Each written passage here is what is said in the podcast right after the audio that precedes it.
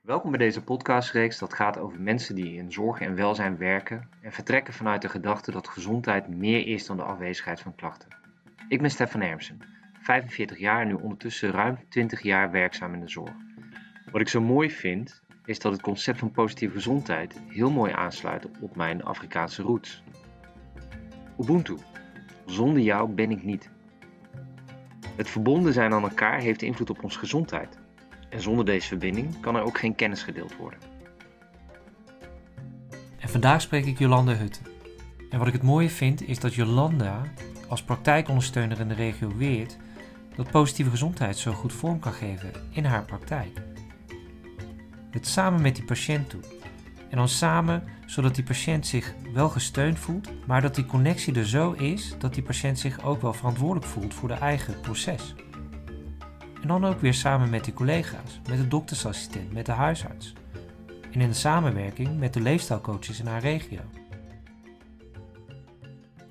Goedemorgen Jolanda, welkom bij dit gesprek. Fijn dat je mij wilde spreken. En ja, we kennen elkaar een klein beetje. We hebben elkaar ontmoet bij POSOP, een huisartsorganisatie in Zuidoost-Brabant, waar jij praktijkondersteuner bent. En um, nou, ik ben gewoon geïnspireerd geraakt over hoe ik zag dat jij bezig was tijdens teamoverleggen, hoe jij dingen vertelde, ook waar jij op aangaat. En toen dacht ik van, goh, ik ben gewoon heel erg benieuwd naar, ik ben gewoon benieuwd naar jou. En vandaar dat ik dacht van, nou, ik wil heel graag dit gesprek, want ik weet dat je op het thema van gezondheid heel erg uh, bezig bent ook.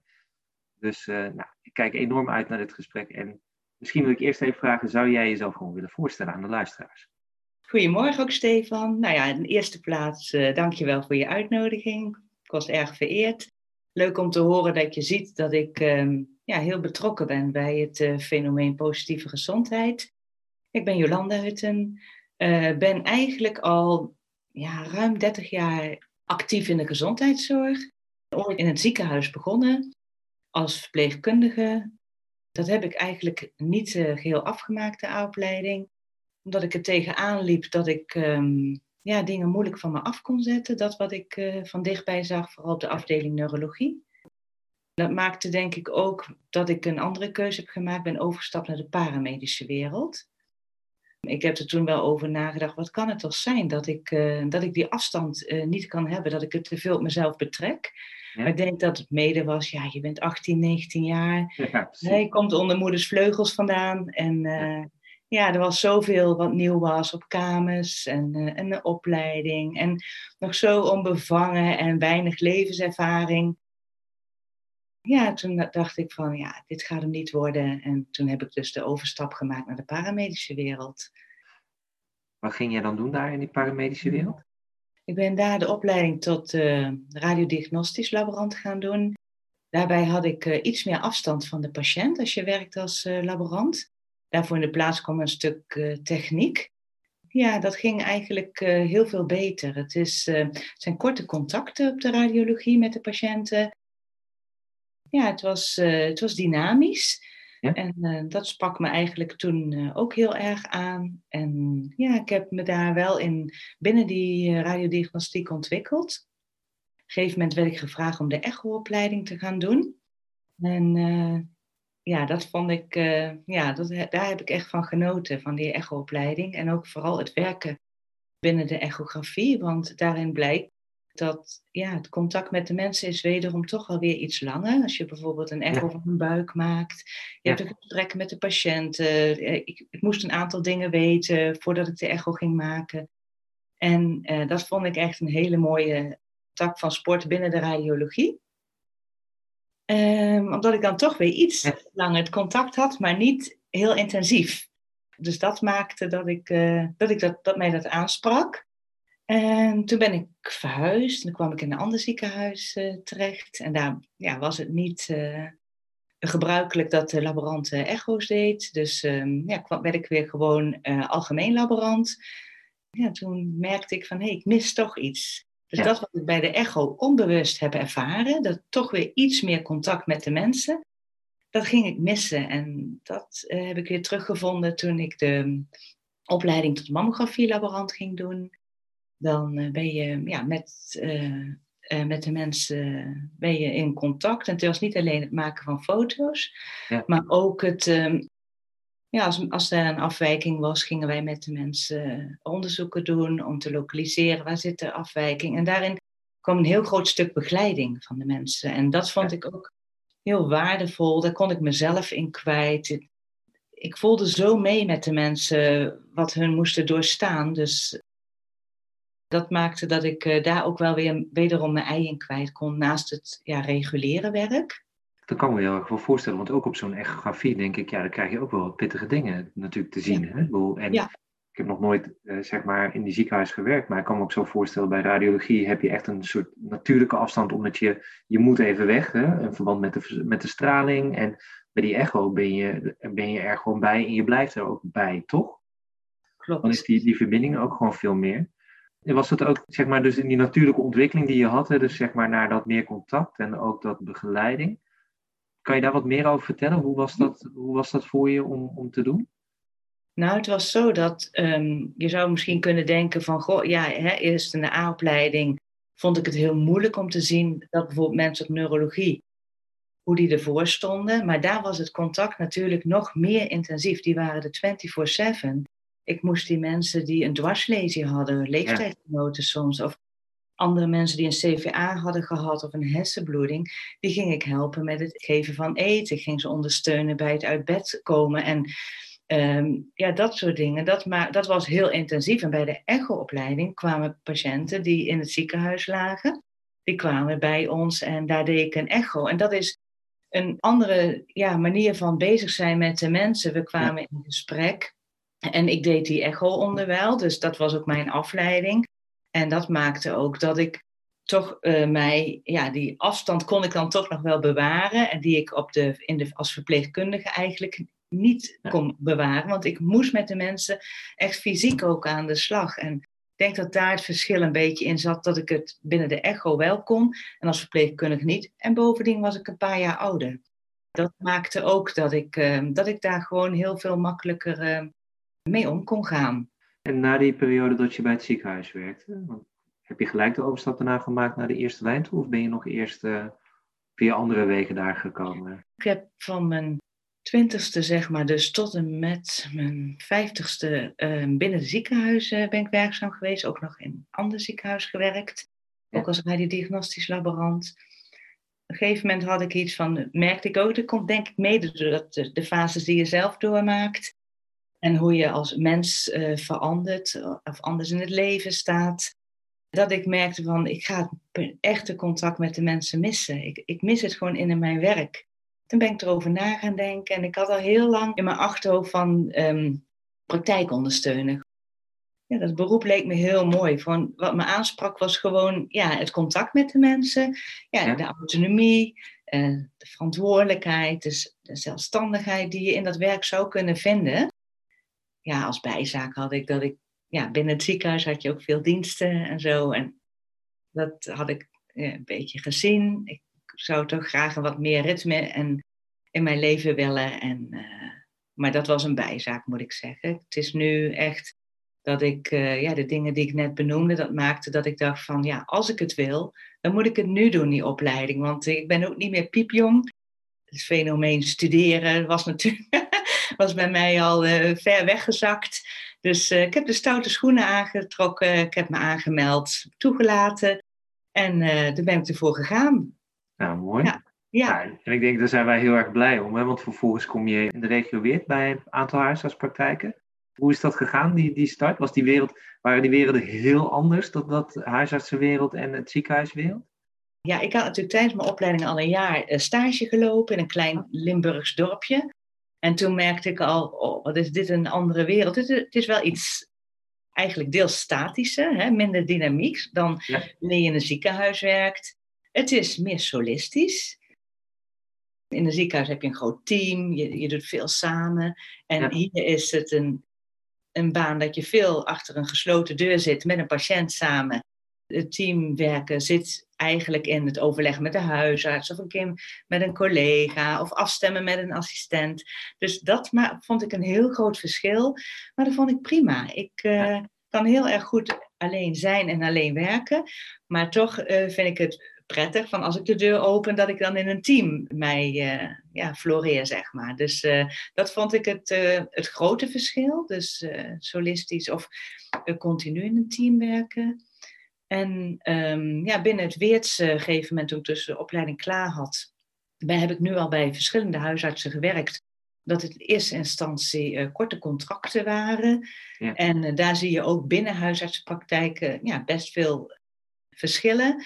Um, nu moet ik zeggen, het werk voor mij aan zich komt eigenlijk wel overal op hetzelfde neer. Maar het team maakt dat het uh, ja, iets andere huisregels, uh, zeg maar. Ja, en, um, of bijvoorbeeld wat ik ook zie, de ene wijk vergeleken met de andere wijk is een andere populatie mensen. Dat vind ik ook een uitdaging. Dus uh, dat soort dingen maken het um, ja, dat ik nu gewoon heb ervaren dat ik op de plek zit waar ik, ja, waar ik prima zit. Ik, ja, het valt heel erg goed. En we hadden het al een beetje vooraf ook een beetje over, hè, wat jou zo, uh, uh, dat je juist dat, dat solistische, dat, dat uh, een stukje op zoek ging naar van, goh, hè, maar wat ik hier in de spreekkamer doe, is eigenlijk, waar je, als je in een team werkt, dan zien mensen je werken, dan krijg je feedback van je collega's en, en dat miste je een beetje, begreep ik toch, uit, zeg maar, in de, in, in, in de huisartszorg. En je bent heel erg op dat videocoaching dus aangegaan. Kan je daar wat over vertellen? Ja, ja, het was zo dat um, in mijn werk merkte ik gewoon, ik denk, ja, je bent klaar met de opleiding en, uh, en je wordt losgelaten. Dat is hartstikke mooi. Dat vind ik toch ook een teken van vertrouwen. Hè? Van, nou, ga er maar aan en uh, kijk maar uh, um, hoe ver je ermee komt. En als het niet lukt, wij zijn er voor je.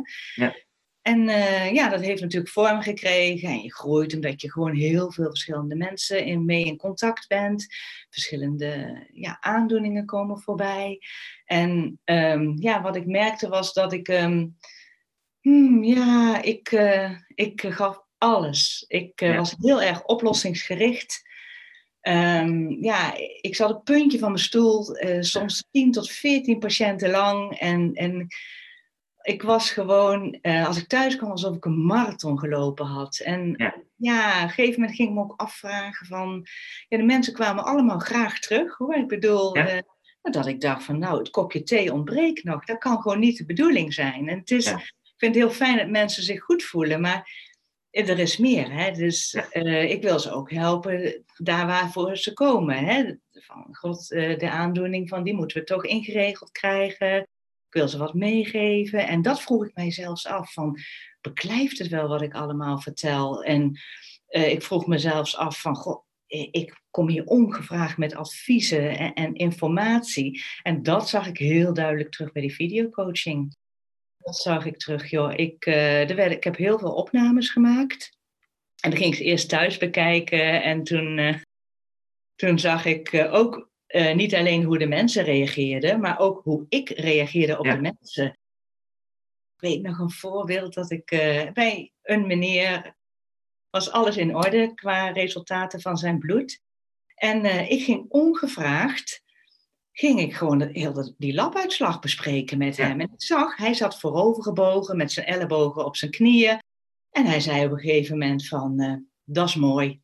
En toen besefte ik mij, ongevraagd zit ik hier allerlei informatie te zenden. En die man zat er waarschijnlijk helemaal niet op te wachten. En toen ging echt bij mij echt een, een belletje rinkelen van Jolanda. Dat moet echt anders. Dat, ja, het brengt de patiënt niks. Ik raak ze kwijt. Want ja. die laat het waarschijnlijk van zich afglijden, omdat het misschien hem weinig zegt, of dat hij daar geen belangstelling voor heeft, want het is toch goed die uitslag. En daarvoor heb ik dus ook die videocoaching gedaan, om mij daarin verder te helpen. Van, van hoe kan ik een andere invulling aangeven als bijvoorbeeld de resultaten prima zijn. Of ja, dat soort dingen had ik gewoon nodig. En dat kan met videocoaching, want uh, ja. zit verder geen collega praktijkondersteuner erbij. Dus het, op die manier is dat een derde persoon, zo'n video. Als je mij bijvoorbeeld vraagt, wat is de kern van gezondheid? Is dat samen. Dus we weten ook gewoon, mensen worden ouder als ze iemand in een buurt hebben uh, waar ze op kunnen rekenen. En dat geldt ook voor ons in ons werk. Dus als je verbonden kan zijn, dan is het ook makkelijker om gewoon zeg maar er positief, gezond, uh, maar ook gewoon om, zoals ik denk, als mensen luisteren, horen ze heel goed hoe jij gewoon lekker luchtig eigenlijk naar jezelf kan kijken. Zonder het te zwaar te maken. Terwijl ik kan me voorstellen dat het vast niet fijn was om die eerste keer de beelden terug te hebben gezien, toch? Spannend. Ja, toch? Spannend, ja. ja. ja maar, maar toch, en dat, dat samen, dus, en dan bedoel ik dus, dus, als je op het moment dat je ook kan kijken waar jij in je dynamiek met die patiënt, het gaat niet alleen maar om van, goh, heb ik de juiste vragen gesteld of uh, heb, ik, uh, heb ik genoeg stiltes bewaard, maar eigenlijk veel meer gewoon van, hey, wat, wat gebeurt er tussen, tussen dan die meneer en mij en, en wat is mijn aandeel daarin en wat kan ik, kan ik daarmee? En dat is, dat samen denk ik, dat, dat, vind ik hier heel erg mooi uitkomen. Ja, dat klopt precies wat je zegt. Het, het is, uh, ik zag ook gewoon, ik, had, ik was helemaal niet in verbinding zeg maar, met die meneer. Ja. Hij, uh, ik ra hij raakte mij kwijt. Ik was alleen maar bezig met uh, wat in mijn hoofd zat. Van ik moet toch toelichten wat, hier, ja. wat ik hier voor mij op het scherm heb. Dus als je die verbinding niet hebt, dan, kan ik praten alsof ik tegen een tafelpoot praat. Die meneer was ik helemaal kwijt. En dat is gewoon heel belangrijk, dat ik, uh, dat ik die verbinding hou. En dat zag ik inderdaad ook heel sterk terug op, ja, op die video's. En ja, je ziet in Weert natuurlijk, en dit is een jaar waar we volgens mij bijna niet omheen kunnen dat uh, bijna elk gesprek dat ik voer, dat er wel ergens wel dat het thema corona wel passeert. Hè? Want ik kan me voorstellen in je werken, je geeft aan, ben gegrepen door positieve gezondheid. In de eerste lijn huisartszorg, veel zorg is uitgesteld, uh, minder contact met mensen. Hoe is dat voor jou eigenlijk deze afgelopen periode geweest om in die verbinding te blijven met de mensen die bij jullie komen? Dan noemen wij ze patiënten, maar met die mensen. Nou, dat was in het begin vond ik het lastig, want ik was natuurlijk ontzettend gewend om mensen fysiek uh, bij mij te hebben. En dat vind ik, moet ik zeggen, tot op de dag van vandaag wel makkelijker. Uh, het is uh, makkelijker communiceren, want ja, voor mij is het gewoon niet alleen dat wat, dat wat gezegd wordt qua inhoud, maar ook wie heb ik voor me, wat, wat zie ik aan de mimiek, aan de houding. En um, ja, door corona uh, werd dat natuurlijk een stuk minder. Ik moest veel meer fysieke consulten vervangen door telefoontjes. Ja. Al in het begin door telefoontjes. En ik merkte, joh, dat vond ik een uitdaging. Want als ik mensen belde, gewoon ja, een beetje de standaard vraag: hoe is het met je? En dan was het aan de andere kant van de lijn: ja, oké, het is oké. Ja, en dan moest ik weer met een vraag komen. Dus om die verbinding te maken, zodat je ook samen opging om een goed gesprek te hebben. Of ja, te kijken waar zit het hem in. Dat het gewoon allemaal niet lekker loopt, vind ik telefonisch tot op de dag van vandaag wel lastiger.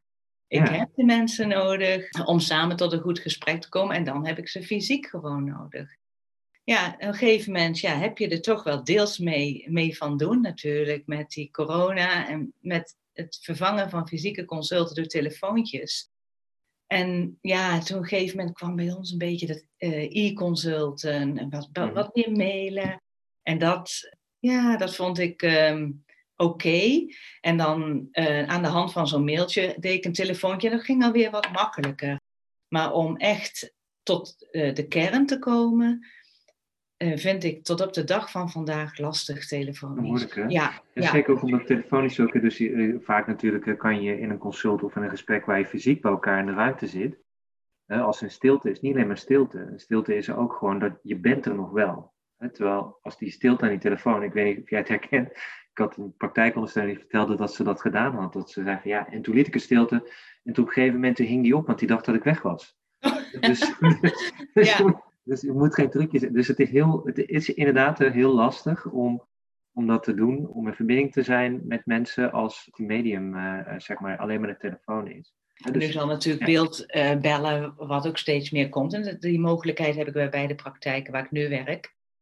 Daar gaan we ook meer gebruik van maken. Daar moeten mensen ook nog even aan wennen.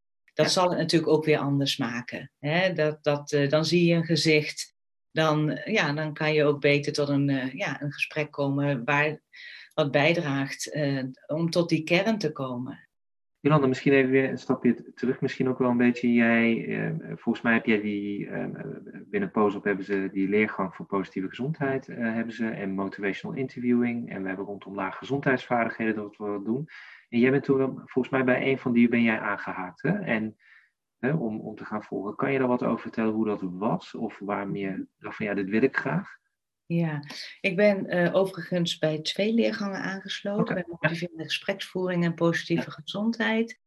Het was echt wat ik je ja, wat ik er straks ook al deelde, van ja, dat ik het heel lastig vond om tot de kern te komen. Ik bemerkte ook bij de videocoachings, ik stelde ontzettend veel gesloten vragen. Mhm. Ik was bang om. Soms voelde ik gewoon, als ik deze vraag stel, dan kom ik tot de kern. En dat durfde ik gewoon niet. Ik dacht, ja, dan breng ik misschien mensen in verlegenheid. Het is gewoon een kronkel geweest. Het is een aanname van mij geweest. Ik, ik, moest, ik zat er tegenaan, maar ik durfde gewoon niet. En dat heb ik, eh, daarom heb ik die motiverende gespreksvoering eigenlijk gedaan. Om een beetje, ja, dat klinkt heel ja, heel plastisch, maar om die technieken te leren. En Ja. om, maar ook daarnaast om in verbinding te komen met de mensen, eh, een relatie op te bouwen. Van, dan heb je het gewoon nodig om bepaalde vragen te stellen. Want dat maakt dat jij eh, in verbinding komt. En ik merkte zelfs, soms eh, dan denk ik van, nu ga ik hem stellen. Zo was ik in het begin bezig. Ja. En dan merkte ik, mensen keken helemaal niet op. Ze kwamen gewoon, ze gingen helemaal open. En dat vond ik zo mooi om te zien. Ik denk van, me, Jolanda, je doet helemaal niks geks. Je, stelt geen vreemde vragen. En ik merkte ook dat ik heel veel meer in verbinding kwam met de mensen. En dat wij ook daar ja, samen aan konden werken. Dat we echt tot iets kwamen dat, dat de mensen hielp. En de positieve gezondheid, ja, dat omarm ik. Dat kwam dus voor mij eigenlijk eh, in het leven nog niet eens in de opleiding, terwijl ik die pas drie of vier jaar geleden heb gedaan. Ja. Maar dus door die positieve leergang, de positieve gezondheidsleergang, toen zag ik van ja, maar dit is het summum. Dit is gewoon wat ik heel graag wil. Ik geloof hier zo in dat een patiënt met diabetes, daar zit zoveel meer achter. Wat maakt dat hij het bijvoorbeeld eh, niet ingeregeld krijgt. Een patiënt met een hoge bloeddruk, daar zit ook zoveel meer achter. Daar ben ik bij uitgekomen bij die eh, leergang, maar ook dat ik eigenlijk heel erg, ja, deels zat het in me als zorgverlener, maar ook in de opleiding geleerd, heel oplossingsgericht altijd bezig was, gaf ik eigenlijk de patiënten helemaal geen eigen verantwoordelijkheidsgevoel voor hun gezondheid. En ik was continu aan zet. Ik nam de regie. En dat heb ik bij positieve gezondheid geleerd van geef de regie aan de mensen. Daarmee geef je ook hun zelf hun verantwoordelijkheidsgevoel voor hun eigen gezondheid. En dat heb ik daar geleerd. En dat vond ik echt een, een eye-opener was dat voor mij. Je vertelt nog ook iets over je achtergrond. Hè? En voor mij denk ik ook het graag overbrengen altijd bij mensen uh, rond positieve gezondheid is dat het begint bij observeren. Hè? En ik pak even dat stapje terug. Dat je vertelt dat je radio, uh, radiologische laborant bent geweest en dat je zeg maar die echo gestaan hebt. En ik, ik heb toevallig met een andere persoon van Jeroen Bos heb ik ook een gesprek gehad, die ook zeg maar in die vak bezig is. En, en het valt me wel op, hè, als je die stap terug kan zetten en je kan echt kijken naar mensen en je kan echt luisteren naar mensen, dan, um, dan hoor je dingen en dan op een gegeven moment die intuïtie van, ja, maar dit is nu eigenlijk de vraag die ik wil gaan stellen, die is er. En dan is het inderdaad de stap van, ja, dat is niet een vraag die ergens in het protocol staat, want dat is, die kan je ook niet voorbereiden. Mensen vragen van, wat zijn goede voorbeeldvragen? Ja, dat, dat hoor je, dat weet je pas als je het persoon spreekt. Want de ene keer is het, is het misschien, wel, misschien wel van, goh, maar ik zie wel gewoon dat je gewoon, dat je gewoon echt deze keer gewoon echt netjes bij zit qua kleding. Wat gaaf, wat is gebeurd? Of wat is de laatste keer dat je gelachen hebt? Of, maar dat is, elke gesprek is dat een andere vraag, toch? Ja, niet, elk, niet elke keer hetzelfde vraag, maar het is dat observeren dus, wat, wat zo belangrijk is, dat kijken. Ja. Begrijp ik jou goed dat positieve gezondheid jou dan daarin dan een beetje de handvaten gegeven heeft? Want jij hebt natuurlijk, hè, je, je, je had al, zit, zit in je, hè, van hoe je naar de wereld kijkt en hoe je naar mensen kijkt. Dat heeft positieve gezondheid denk ik niet veranderd. Hè? Maar het gaf misschien wel handvaten van, oké, okay, dus nu kan ik die persoon kan ik op een veel holistische manier of completere manier bekijken en ook gewoon feedback opgeven. Is, is dat het ook een beetje? Dat is het inderdaad wat meer. Het is uh, positieve gezondheid heeft inderdaad uh, mij meegegeven van ja, het is een totaalplaatje. Het is niet alleen uh, dat wat de mensen aan, voor een aandoening hebben, maar ja, wat maakt dat ze dat hebben, dat hebben ze niet altijd zelf helemaal in de hand, maar hoe kunnen we ermee aan de slag? En ik werkte altijd heel erg volgens protocol. Ja, dat is gewoon eigenlijk ook wel een houvast. Ik moet zeggen, ik wil het niet helemaal wegwuiven. Maar omdat ik, ik denk ook omdat ik beginnend praktijkondersteuner was, dat ik het met name dat protocol als houvast zag. En het als het ware afvinkte van nou, als ik dit heb gehad, dan is dat, uh, daar is in ieder geval over nagedacht, zo'n protocol. Als ik dat nou eens gewoon netjes volg, dan kom ik tot, uh, tot daar waar ik uh, zijn moet. Maar dat heb ik nu wat meer losgelaten. Ik durf het los te laten. Ik bekijk nu naar van hoe staat het ervoor met, met hem of haar. Dus um, van hé, hey, hier loopt het eigenlijk hartstikke lekker. Ik kan het een beetje loslaten. En um, dat geeft waarschijnlijk ook vertrouwen bij de mensen van hé, hey, Jolanda laat mij los. Ik, ik kan blijkbaar, kan het ook prima uh, deels uh, zelf handelen van wat ik moet doen met mijn leefstijl. En um, ja, ik vind gewoon loslaten is gewoon anders vasthouden. Hè? Je blijft toch over de uh, schouder van de mensen meekijken. En uh, dat heb ik geleerd bij positieve gezondheid. Van bekijk het per individu. Het hoeft niet zo statisch van een diabetes zie ik vier keer per jaar. En iemand met hart en vaten twee of één keer per jaar. Nee, ik speel daar nu heel veel meer mee. En tot op de dag van vandaag is daar, is dat, heeft het eigenlijk prima uitgepakt. En ik zie de mensen ook. Uh, ja, opbloeien van, oh, nou, wat, wat fijn. Hè? Van, soms zeggen ze van, nou, zeg jij het maar. Nee, hè, wat wilt u? Hoe ziet u het? Uh, uh, waar gaat u nu mee aan de gang? Nou, dan kunnen we toch een, een maandje opschuiven in plaats van naar drie maanden naar vier maanden. En dat heeft positieve gezondheid, ja, die heeft mij dus uh, handvaten gegeven. Van wat kan ik doen wanneer ik het protocol wat meer loslaat. Ja. En um, die heeft mij ook geleerd van, goh, kijk eens naar het totaalplaatje. Wie heb ik voor mij? Ja, het is um, ook uh, veel meer van wat willen de mensen zelf. Niet wat wil Jolanda of wat hoort hij of wat is het protocol. Uh, gewoon wat willen ze zelf, wat is belangrijk voor hun. Hè, dan het geëikte van waar zit de veerkracht, waar, krijgen zij, waar hebben ze plezier van. En als, je dat, als dat welbevinden in orde is, dan denk ik dat, ze, ja, dat een groot deel van de rest ook wel komt. Hè? Dus dat heeft ja, positieve gezondheid mij wel ja, meegebracht. Meer ja, dus... naar de mens kijken. Ik hoor in je verhaal, daar geloof ik ook wel in. Hè? Dus die, zeker rondom chronische aandoening is het gewoon echt zoeken. Gewoon ook, hoe werkt het nou bij die persoon? Ik ken een voorbeeld van, van een persoon die echt uh, vier keer per week op een, uh, op een racefiets zit en uh, koolhydraatarm eet. Maar die BMI die komt echt niet lager dan 25. Dus dus maar je kan je stressen om die BMI en, en op die gewicht. Toen ze op het punt kwam met de praktijkondersteuner om eigenlijk ook al uit te spreken, met de huisarts zelfs uit te spreken van, goh, je ziet toch dat ik die dingen wel aan doen ben. Zullen we nou eens ophouden om hierover te praten?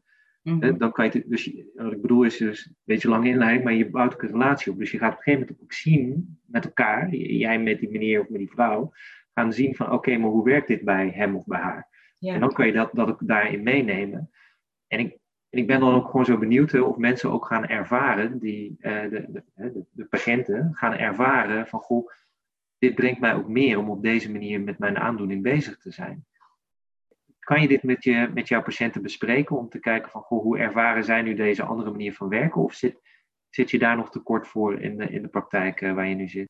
De, de, inderdaad, ik ben daar nog uh, te kort mee bezig. Ik heb deze leergang gedaan tijdens coronatijd, dus ja. ik heb daarna ook heel weinig mensen gezien. Maar wat jij net als voorbeeld aanhaalde, niet alleen het andere gesprek, maar dat voorbeeld van die wielrenner die op een BMI van 25 bleef. Ja, ja daarbij heb ik inderdaad iets van, dat kan ik echt heel erg loslaten van, dat zijn cijfers, maar je moet altijd waken voor, He, dat is vanuit, dan zou dat vanuit mijn perspectief zijn. Ja. En ik vind dat het vanuit zijn of haar perspectief moet zijn. En ja, die, je ziet gewoon, uh, hij of zij uh, doet eraan wat hij kan, maar ook waar hij blij van wordt. Ja. Nou, dat, dat brengt zoveel meer dan, dan ben ik de laatste die uh, zegt van zo hoort het en uh, zo gaan we het doen. Ik heb twee keer bij mensen een, um, ja, een het spinnenweb, uh, dat is een instrument binnen die positieve gezondheid, heb ik um, ja. aangehaald. En um, ja, daar moeten ze ook wel aan wennen natuurlijk. Maar ik heb geprobeerd zo goed mogelijk in te leiden. En daarna gingen we het samen bespreken. Maar daar heeft er toch wel toe geleid dat bij een mevrouw dat die daar maatschappelijk werk is in uh, gezet. Maar ik kan niet zeggen dat ik al voldoende ervaring heb hoe mensen dat hebben ervaren om met mij het andere gesprek te voeren. Wat mij wel opviel, is dat um, ik heb nu al een keer iemand gehad die zei van toen die wegliep van je hebt me aan het denken gezet. Of iemand die zei, dat is eigenlijk wel vaker gebeurd, van goh, dankjewel. het gesprek. En ja, dat soort dingen was ik nog niet gewend. Dus dat heeft zeker mee te maken dat ik het over een andere boeg uh, durf te gooien. Met vriendinnen doe je dat wel. Daar stelde ik wel mijn open vragen. Maar dat komt, ja, en met patiënten durfde ik dat niet. Dat is gewoon, die band was, had ik nodig om die vragen te durven stellen. Echt wat in verbinding zijn, ja. Mooi, mooi hoe je dat vertelt hoor. En ik denk ook zeker dat we in heel Nederland nog hier gewoon ervaring in moeten opdoen. Hè? Dus dat, dat er is nergens uh, uh, waar het al tien jaar, uh, zeg maar, anders is. Hè? Want ik kom best wel plekken waar het al tien jaar op deze manier gedaan wordt. Maar die verschil, hè? dus dat benieuwd ben dat we dat ook bij patiënten ook gewoon eens wat meer zichtbaar kunnen maken. Van goh, vertel eens nou, hè, de, ervaar je ook dat dit je ook, ook verder brengt? En Jolanda, als je nou naar de, naar de toekomst toe kijkt, hè? want je hebt ik denk je schetst mooi, hè? mede door corona hebben kunnen investeren in gewoon van, goh, hoe kan het anders? Na corona hopelijk kan het, uh, kan het ook op die manier dus dan ook anders gaan worden. En als jij nou een beetje naar de toekomst toe kijkt, uh, wat, over een jaar of vijf, waar zou jij gewoon willen staan uh, ten aanzien van je werk en hoe je dit verder aan het brengen bent? Heb je daar een beeld bij? Ja, um, ik ben ik heb er wel eens over nagedacht van, goh, ik merk gewoon dat um, positieve gezondheid, dat, dat past mij als een jas. Ik denk dat het mhm. gewoon past bij mij als mens. Omdat ik er heel erg in geloof dat je zo samen verder komt. En wat ik over vijf jaar, ja, in relatie tot mijn werk, zou ik ja, heel graag dit uh, positieve gezondheid, dat het meer nog meer een vanzelfsprekendheid is. Dat we uh, nog meer, dat het in de opleiding een, een, een, belangrijk onderdeel wordt. Dat het binnen de praktijken, dat, dat je niet als praktijkondersteuner daar alleen voor staat, maar dat het doorgevoerd wordt. Um, ja, tot een huisarts, tot de praktijkassistent. Dus door iedereen die daarmee bezig is. Want ik denk pas dat je dan uh, als je allemaal samen de schouders eronder kan zetten met hetzelfde doel en, en dezelfde visie en missie, dat je dan ertoe komt dat het echt ja, tot uiting komt dat het uh, ons allemaal iets kan brengen en dan in het bijzonder de patiënt. Dus ik hoop echt dat dat uh, de komende vijf jaar nog meer ja, body krijgt, positieve gezondheid. En ik zou er in ieder geval heel erg blij van worden. We moeten gewoon bewust zijn je hebt daarin natuurlijk altijd een keuze. En, uh, maar ja, laten we die dan ook doorpakken. En, ja. ja. ik hoop echt dat meer mensen daar zich van bewust worden dat dit heel erg veel kan brengen. Ja, ja je, je, je gaat natuurlijk volgens mij ook, hè, dus, dus, op een ander vlak gaan we natuurlijk ook wat ervaring opdoen en dat samen. Hè, want dat, is, dat hoor ik jou ook dus zeggen, van willen we het echt verder gaan brengen met elkaar, dan is het is belangrijk dat het in heel zijn praktijk, hè, in de samenwerking, en natuurlijk in de samenwerking denk ik ook met jouw partners rondom je heen. Hè. Je hebt volgens mij al een paar mensen op de wachtlijst staan voor Healthy Life uh, programma in, uh, in, Limburg. uh, Zorg op Medita, zeg maar, mee ontwikkeld heeft. Hè. Dus een soort van een cool plus voor de mensen die in de gezonde leefstijlinterventiewereld zitten. En daar ga je, hè, dus hebben we ook bedacht van ook gewoon eens samen met die leefstijlcoaches en patiënten eens gewoon echt gaan kijken van hoe, ja, hoe doen we dit nu samen toch ook. Hè? Dus dat, dat wat dat samenbrengt. Heb je, heb je trouwens al, al contact gehad? Uh, want je hebt met die patiënt natuurlijk gesproken en die zijn, die zijn enthousiast om dit ook te gaan doen? Of, uh... ja. ja, ik heb een mevrouw, daar had ik eigenlijk een hele goede band mee. En het was eigenlijk, uh, zij heeft diabetes. Het was een hele worsteling om het gewoon goed ingeregeld te krijgen. Ze worstelde met zichzelf. En samen kwamen we er heel moeilijk een stapje verder. En uh, toen zijn we ook, uh, doordat het gesprek steeds meer diepgang kreeg, kwamen we erbij uit dat ook zij zelf gewoon steeds meer ging nadenken: wat is het toch dat ik, uh, dat, ik dat niet uh, ja, ingeregeld krijg? Wat is de reden daarvan? En toen bleek gewoon dat um, zij is een alleenstaande vrouw waar zij, ja, wat, waar ze, dat is geen bewuste keuze. En ze zou het graag anders zien. En ja, ze werkt zich drie slagen in de rond om lekker te wonen. En uh, zij zei ook van, ja, ik ben gewoon een emotie eten. Uh, Als ik gewoon me alleen voel of niet lekker in mijn vel zit, dan ga ik dat wegeten. En op dat moment is dat heerlijk, ja. want het is een soort beloning en het geeft mij um, ja, een voldaan en energiek gevoel. Maar de volgende dag baal ik zo ontzettend van mijzelf. En ze zei, toen heeft ze er eens over nagedacht van, dan heb ik gewoon met haar de aanzet een beetje gegeven. Wat, heb je het idee van waar dat nou vandaan komt? Waarom waarom ga je eten als je gewoon niet lekker in je vel zit? En daar, daar is zij mee aan de slag gegaan. En het bleek toch wel ook van, ja, van, zeg maar van vroeger, toen zij nog thuis woonde, daarbij weg te komen. Haar ouders hadden allebei een, ja, een druk leven. En ze zei ook van, als ik eens een keer wat had, of ik had me bezeerd, of ik had vragen, of ik zat er moeilijk in, dan werd dat niet met een knuffel, ja, zeg maar, uh, werd daar aandacht aan besteed. Maar ik kreeg dan gewoon wat lekkers toegestopt van, ach meisje, hè, het komt wel weer goed. En zij zei ook van, ik denk dat het daar gewoon bij wegkomt. En en dus hadden we ook een heel klein deel van de oplossing van, goh, zal het hem daar echt in zitten? En daar hebben we het gesprek over gehad. En uh, op een gegeven moment durfde ik ook, ja, ik vond, ik vond haar bij uitstek een vrouw om bij Healthy Life uh, mee te gaan doen. Dat traject is een, ja, een twee jaar durend uh, traject. En dan word je gewoon wat, ja, deels solistisch begeleid, deels in een team.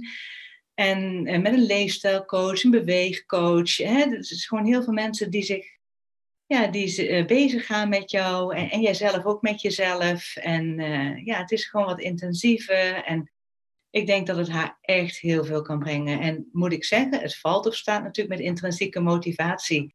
En dat spatte er bij haar vanaf. Ze wilde zo graag. En zij en ik samen, als ik terugkeek, denk ik, ja, weet je wel, het is dat ja, dat, dat, dat, dat zaagtandeffect. Dan ging het weer dan niet. En ik, wil, ik gun haar zo dat, dat het ja, wat meer geborgd wordt. En dat zij gewoon na die twee jaar, hoop ik, dat zij ja, daar dan anders in staat. En ook los van uh, de professionals, ja, daar zelf een, uh, een invulling aan kan geven. En zelf weet van, hé, hey, als ik dit doe, dan dat moet ik dan dat laten? En ik denk dat ze daar wel een eh, vorm in kan vinden. Daar is ze gewoon slim genoeg voor.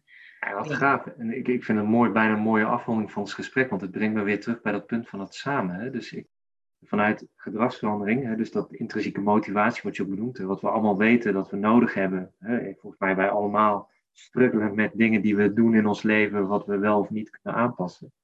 En die intrinsieke motivatie, weet ik dat de enige manier hoe dat kan, is als je er zijn drie elementen die daar belangrijk is. Autonomie, hè, dus dat zij, dat zij ook het gevoel heeft van ja, maar ik ben het aan het doen en het, jij bent het niet voor haar aan het doen. Je hebt daar gewoon een ondersteunende rol in. Dat ze het gevoel heeft dat ze de competenties heeft. Hè, dus nou, zo'n training die kan helpen dat ze denkt, nou, hier kan ik de competenties door krijgen. Maar wat vaak vergeten wordt, verbondenheid. Is echt heel belangrijk. Als zij niet iemand heeft waarin zij het gevoel heeft van, goh, maar hier, kan ik het, hier heb ik vertrouwen en kan ik het mee samen doen dus die buddy wat is, is nog veel belangrijker voor die gedragsverandering dan kennis of dan uh, uh, al die andere dingen. En ik vind het wel mooi om te horen dat jullie dat samen eigenlijk zo'n beetje gecreëerd hebben. En ja, ja, ik vind echt wel gaaf om te horen zo, uh, Jolanda. Dus, ja, dus ik, ben ook, ik, ben ook, echt heel erg benieuwd hoe het haar, hoe het haar vergaat. Want ja, dus, dus die Healthy Life mensen die geïnteresseerd zijn, kijk maar lekker op internet. Hè, maar het is uh, in Limburg. Limburg is positief gezond. Hè, dus er zit positieve gezondheid door heel die programma heen. En, uh, en ik ben benieuwd wat het haar gaat brengen. En ook wat, wat, wat jouw ervaringen daarvan zijn. Dus hopelijk kan ik je daar een keertje over een half jaar of over drie kwart jaar weer eens een keertje over spreken. Van, hoe, en, en hoe gaat dat nou? Benieuwd naar meer? Luister dan naar andere afleveringen uit deze reeks. Wil je graag in gesprek met mij over het onderwerp gezondheid? Neem dan contact met me